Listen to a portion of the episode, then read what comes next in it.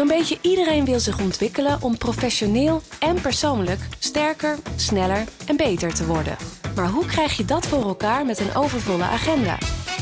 In de Sterkmakerscolleges van Schouten en Nelissen nodigen wij experts uit die in korte seminars van ongeveer 5 minuten hun ervaringen en tips delen over één specifiek onderwerp.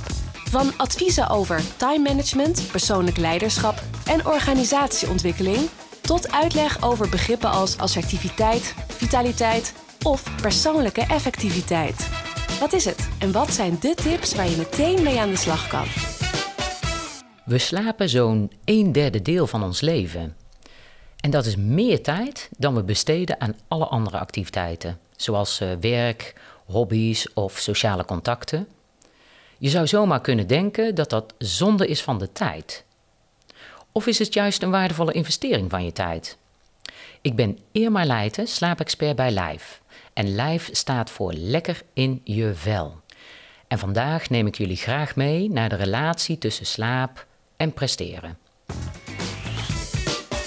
Dus stel je eens voor dat je een ambitieuze professional bent, die droomt van het opbouwen van een succesvolle carrière. Nou, je hebt geweldige ideeën, goed doordachte plannen en je bent vastberaden om te slagen.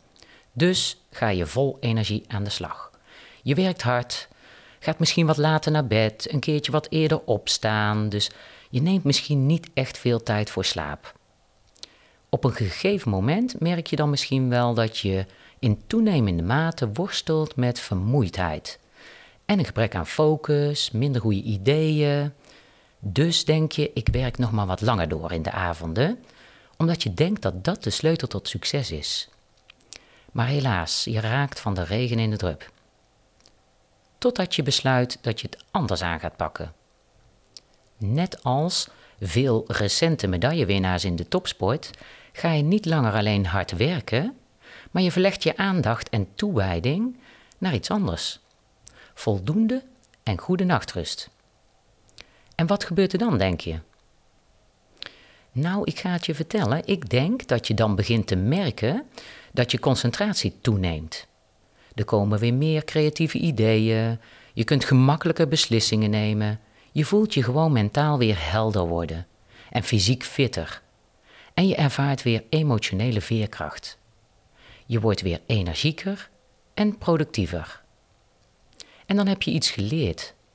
Je hebt geleerd dat de sleutel tot succes niet alleen ligt bij hard werken, maar in een gezonde balans tussen hard werken en effectief herstel. En dat biedt onze slaap. Door dit voorbeeld wordt het wellicht duidelijker dat slaap de brandstof is voor succes. Want tijdens slaap herstelt niet alleen ons lichaam, maar ook onze geest. Het is de sleutel tot scherpe concentratie, goede ideeën en veerkracht. Dus gun jezelf voldoende tijd en ruimte voor herstel en voor slaap. Maar ja, hoe zorg je ervoor dat je lichaam en geest voldoende rust krijgen? Nou, hier komen een paar tips. Allereerst, houd vaste bedtijden aan. Want door elke dag op ongeveer dezelfde tijd naar bed te gaan en op dezelfde tijd op te staan, help je jezelf om een natuurlijk slaapritme te ontwikkelen. Je geeft dan eigenlijk je systeem een duidelijk teken wanneer het tijd is om te rusten en te herstellen. Want veel mensen die moeite hebben met slapen, die ontwikkelen niet helpende slaapgewoontes, puur vanwege slaaptekort en vermoeidheid. En ze gaan dan bijvoorbeeld uh, extra vroeg naar bed na een paar slechte nachten.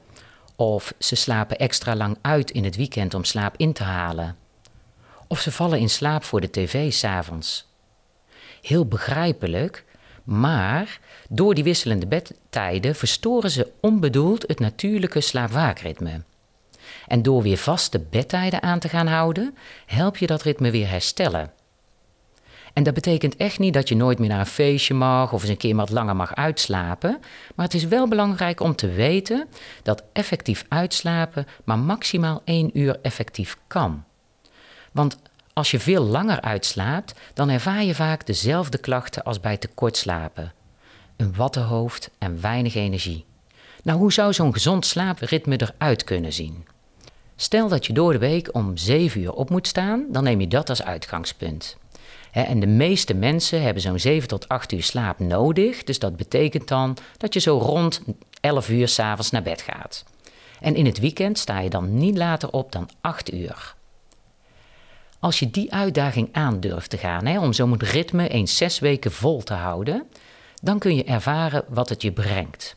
Het zal niet altijd gemakkelijk zijn hoor, want je slaapt namelijk niet meteen beter.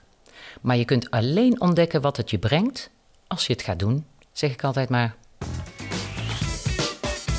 Nou, dan heb ik nog een tweede tip. Werk niet door tot vlak voor het slapen gaan, maar sluit je dag bewust af met ontspanning. Iets wat jou rustig maakt, wat je fijn vindt. Je geeft hiermee je lichaam en geest toestemming om te mogen afschakelen, om te mogen gaan rusten. Want je lichaam heeft namelijk tijd nodig om af te schakelen, om tot rust te komen. En als je dat niet doet, dan is de kans groter dat je moeizaam inslaapt of s'nachts vaker wakker wordt of te vroeg wakker wordt of dat je wel slaapt, maar niet uitgerust wakker wordt. Nou, tot slot, beperk die tijd om goed te herstellen niet alleen tot de nacht, maar gun jezelf vooral overdag ook een pauze. En dan bedoel ik een echte pauze.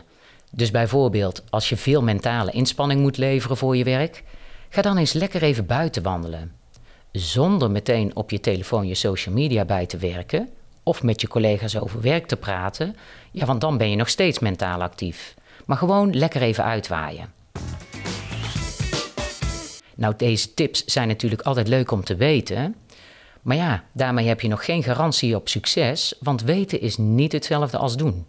Dus daarom wil ik je nog wat strategieën noemen om de kans van slagen te vergroten.